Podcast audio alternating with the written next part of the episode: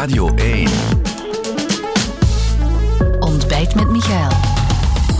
Mijn gast vanmorgen is titelvoerend burgemeester van Mechelen, maar ook Vlaams vice-minister-president Bart Somers. Radio 1. Goedemorgen, meneer Somers. Goedemorgen. In uw stad, Mechelen, hier uh, wat verderop begint de zaterdagmarkt, uh, ja. denk ik. Want u bent Vlaamse minister, maar dat burgemeesterschap, u bent titelvoerend burgemeester, dat, ja, dat gaat niet weg van, nee. van u. Hè? Nee, als je dat 21 jaar bent, ja, dan ben je er ook wel mee vergroeid. En uh, ja, ik ben ook een vierde Mechelaar, ik hou enorm veel van mijn stad. Ik heb altijd de titel hè, van burgemeester, titelvoerend burgemeester. En ja, dat blijf je dan toch wel ja. altijd. Komt u ooit terug als burgemeester?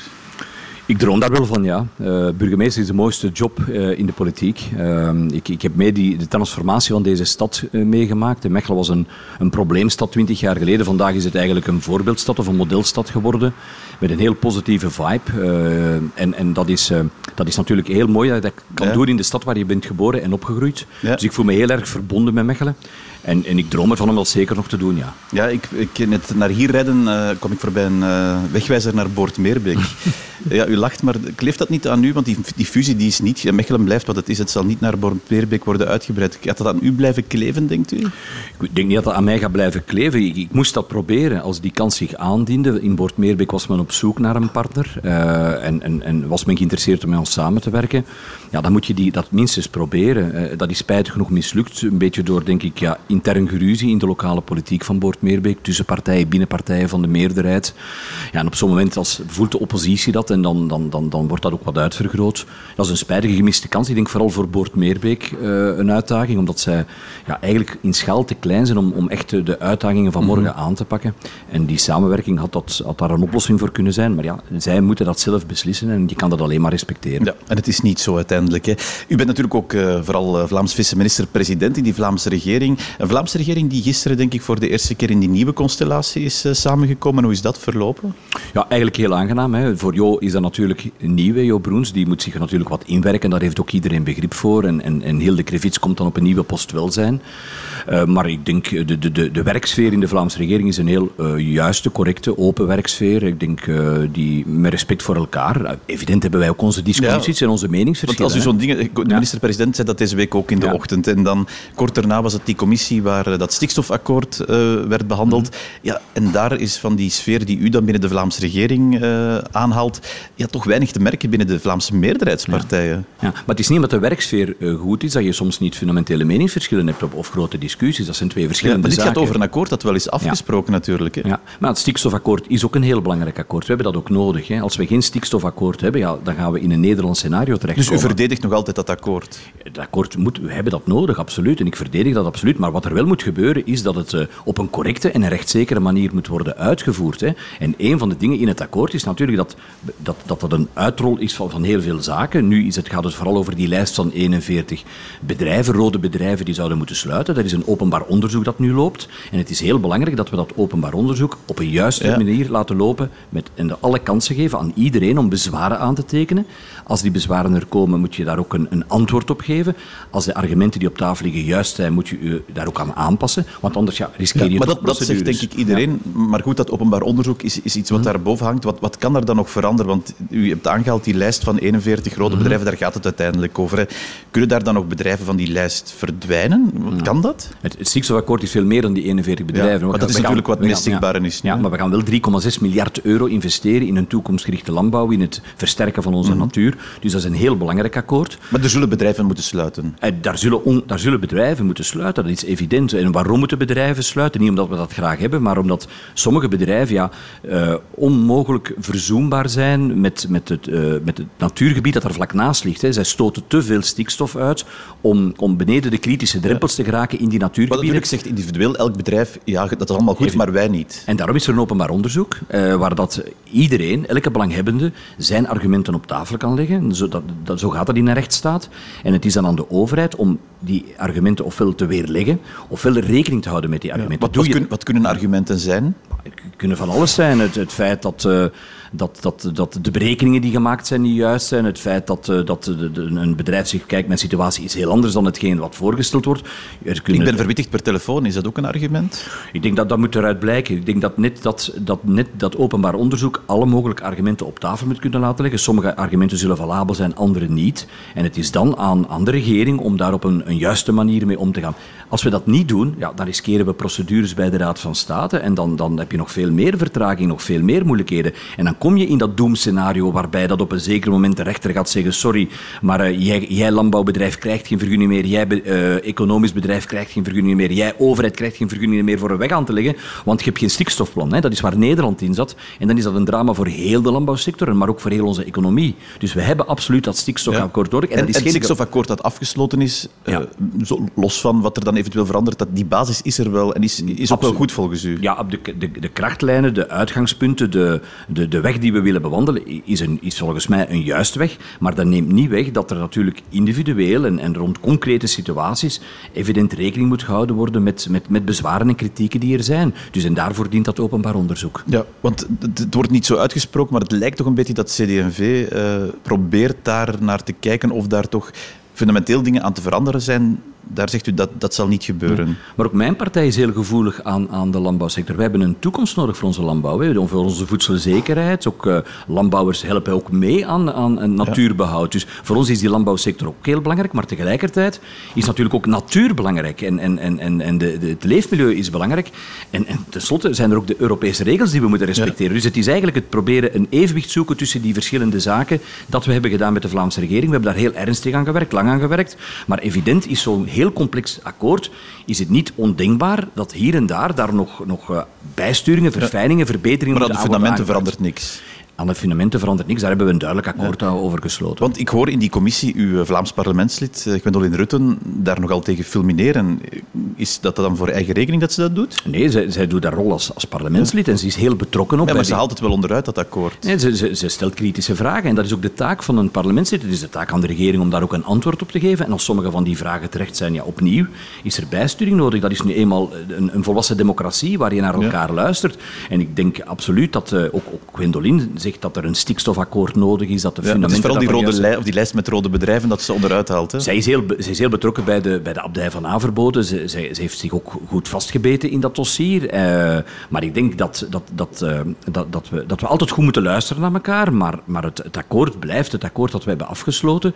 En, en laat het openbaar onderzoek zijn gang gaan. En, en, en laat iedereen de kans om zijn kritieken helder te formuleren. En rationele argumenten, daar moeten we rekening mee houden. Met emoties, daar moet je begrip voor hebben. Maar dat is nooit een argument in een debat. Ja, dat laatste is misschien van tel op die abdij van Averboden, want u hebt dat hier aangehaald. Uh, grote emoties voor een, mm -hmm. een, symbool bijna van dat stikstofakkoord natuurlijk. Dat wel op de twee lijsten staat, denk ik. Die, uh, het gaat over het landbouwbedrijf mm -hmm. van die abdij, voor alle duidelijkheid. Mm -hmm. Ja, valt daar iets aan? Kan, is dat nu een voorbeeld van een bedrijf dat er omwille van een openbaar onderzoek van die lijst kan gehaald worden? Ik begrijp dat je van mij uitspraken wil uitlokken over individuele dossiers, ja. maar dat ga ik echt niet doen in deze stand van zaken. Eigenlijk zou, moet je nu, zelfs als regering, een beetje terughoudend zijn in het commentaar geven op individuele dossiers, omdat je anders dat, dat openbaar onderzoek contamineert. Eigenlijk moeten wij, de rol die wij nu hebben als regering, is wachten op wat de samenleving nu zegt en welke argumenten ze aandragen en dan daarop antwoorden. Maar een u zegt emotionele argumenten kunnen niet meespelen, dus een argument, wij doen dat al honderden jaren, dat speelt niet mee. Emotionele argumenten zijn heel belangrijk in het leven en ook in de politiek, maar bij het beoordelen van een, van een, van een, in een openbaar onderzoek heb je, heb je uh, onderbouwde argumenten nodig, rationele argumenten nodig, feiten nodig. En, en daar is een emotie belangrijk, maar nooit ja, voldoende dus om, om... Wij zijn hier al honderden jaren, dat telt niet mee. Dat is, dat is in, in dit dossier eigenlijk geen, uh, geen argument, want we, we loosden vroeger ook al honderden jaren ons, ons, ons afvalwater in de rivieren. Dat is nooit een argument om te zeggen, we mogen dat blijven doen. Dus ik zeg niet dat de Averboden nu al honderden jaren fout bezig is. Integendeel, dat is een, een, een schitterende abdij. Maar dat is geen ja. argument op zich. Er zijn misschien wel andere argumenten okay. die Averboden naar voren kan brengen. En daar moeten we nu op wachten. Dat is heel duidelijk. Uh, er is nog een, een dossier dat, dat uh, ja, aan dezelfde dingen appelleert. Hè. De omgeving, dat Ventilus-project. het is in, in West-Vlaanderen Het gaat over hoogspanningskabels, waar dat die moeten getrokken worden, of ze moeten getrokken worden. Daarvan uh, zie ik u in de kranten Standaard zeggen dat moet bovengrond zijn. Ja. Ik zeg dat niet. Eigenlijk zegt de intendant dat. Hè. Dus we, ook daar zitten we met een grote uitdaging. We willen uh, energieonafhankelijkheid van, van het Russisch gas. We willen de omslag naar, uh, in, in de klimaatuitdaging.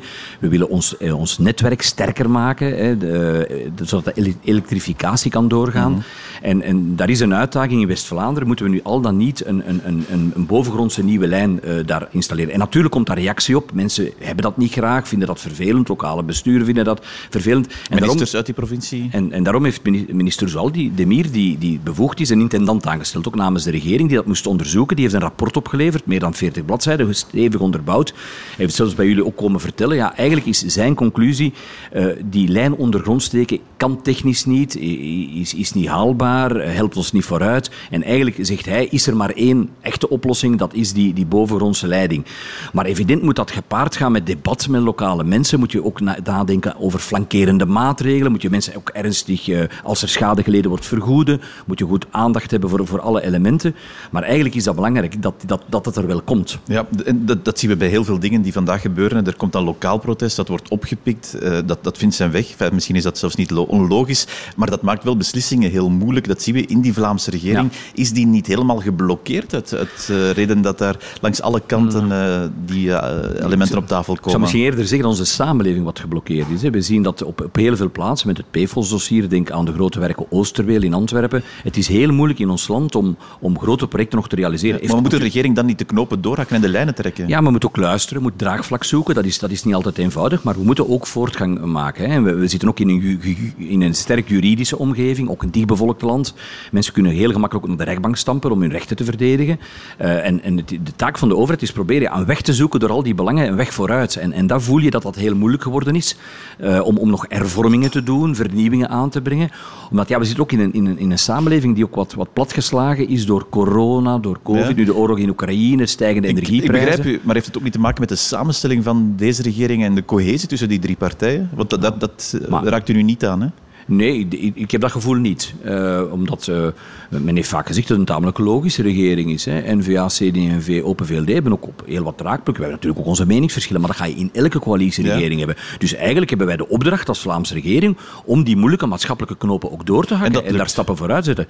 Ja, soms lukt dat beter, de ene keer lukt dat beter dan de andere keer. En alleszins ben ik vragende partij om, om met die regering verder dingen te doen. Hè. We zitten daar niet gewoon om op de boel te passen, want stilstaan is achteruitgaan. Ja. Dus we moeten vooruitgang boeken in Oosterweel, in de klimaatwende, in, in uh, het stikstofakkoord en, en op tal van andere domeinen. Want dat moet toch wij... heel vervelend zijn, meneer Sommers, uh, als, als u zo'n believer bent in de regering, dat uw partijvoorzitter en de partijvoorzitter van uw minister-president, dat die niet eens met elkaar praten? Ja, dat is, dat is natuurlijk totaal idioot. Hè. Dat is, ik, ik, ik, uh, ik, ik denk dat, dat mijn voorzitter zeker bereid is om de dialoog aan te gaan. Je kan meningsverschillen hebben, je kan soms gefrustreerd zijn van elkaar in de politiek, maar het belangrijkste in, in een... Maar dat, dat kenmerk van democratie. op zo'n op zo'n op zo'n regering ook. In een, in een democratie praat men met elkaar, ook al heeft men meningsverschillen, eh, zoekt men elkaar op, probeert men overeenkomsten te zoeken of meningsverschillen uit te praten.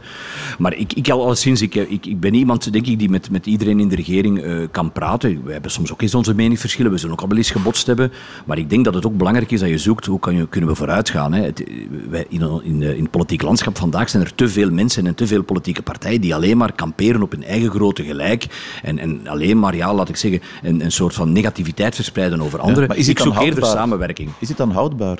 In de Vlaamse regering heb ik het gevoel van wel, ja. Ik, ik, ik zie niet in dat die regering uit elkaar zou vallen, om welke reden dan ook. Ik denk een grote opdracht voor onze minister-president, die dat trouwens absoluut zijn best voor doet, is, te, is duidelijk te maken van welke projecten gaan we de volgende maanden en jaren nog realiseren, hoe gaan de Vlamingen uh, beterschap krijgen. Trouwens, de voorbije twee jaar zijn we, zijn we in twee crisissen gesukkeld, hè. de crisis corona, de crisis Oekraïne, waar we met de Vlaamse regering heel goed werk hebben geleverd. Hè. We hebben die, die vaccinatiecampagne okay. was een, een, succes en de wijze waarop we nu de, de vluchtelingen opvangen, is eigenlijk ook meer dan behoorlijk. Ja, ik wil nog heel even over iets hebben wat ook onder uw bevoegdheid valt, dat zijn die uh, moskeeën van Dianet. U moet mm -hmm. dat even uitleggen wat dat is. Dat zijn Turkse moskeeën die uh, ja, niet erkend meer zullen worden en die ja. daar uh, naar de Raad van State voor gaan. Eigenlijk, de Turkse staat heeft een, heeft een ministerie van religieuze zaken die tot in het buitenland probeert greep te houden op, op mensen die afkomstig zijn uit hun land. Zeg dus maar mensen van de tweede en de derde generatie.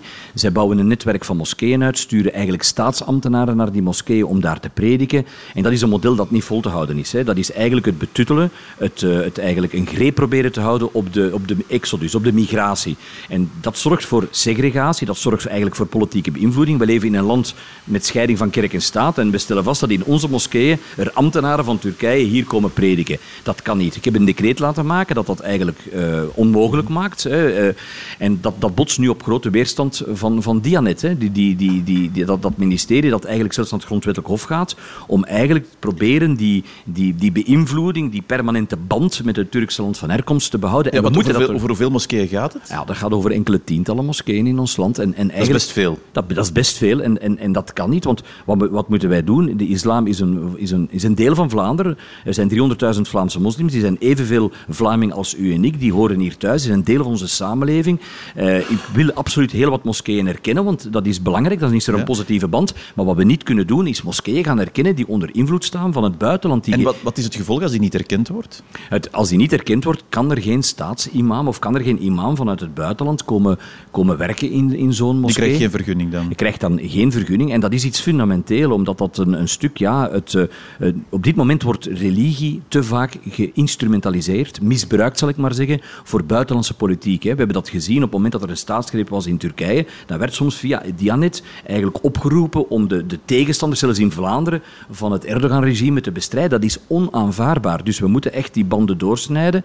Uh, ik heb daar al veel mee gepraat met, met, met de mensen van, van Dianet, om dat heel duidelijk te maken dat dit een, een aflopend verhaal is. Wat we nodig hebben, zijn moslims die hier verankerd zijn, die deel zijn van onze samenleving, die hier opgroeien. En heel veel mensen zeggen dat. Wij willen eigenlijk niet meer die beïnvloeding van buitenland. We willen deel zijn van deze samenleving, meewerken aan Vlaanderen op een positieve manier. Wij zijn en Vlaming en moslim tegelijkertijd. En we willen niet een puppet on a string zijn van een regime zoals dat van Erdogan. Ja, en dus daar is geen vergunning voor mogelijk wat u betreft? Nee, dat is, dat is heel duidelijk. Het decreet heeft dat heel duidelijk okay. gemaakt. En dat wordt nu aangevochten voor het grondwettelijk hof. Wat eigenlijk verbijsterend is, dat de Turkse autoriteiten via Dianet eigenlijk onze decreten proberen tegen te houden op het moment dat dat decreet eigenlijk dient om moskeeën te erkennen. Want we erkennen al vijf jaar lang geen moskeeën meer. We gaan dat terug doen. En wie maakt het onmogelijk? Het regime van Erdogan. Zijn er nog andere landen? Want dit gaat over Turkije die hetzelfde hebben. Marokko bijvoorbeeld? Ja, het meest, meest duidelijk uitgesproken is, is, uh, is, is, is, uh, is, uh, is, is Dianet, is Turkije. Maar, maar ook, er bestaat ook een organisatie die ook erg afhankelijk is en erg gelinkt is aan de, aan de Marokkaanse autoriteiten. En ook dat kan niet. En gaat u die ook niet erkennen dan?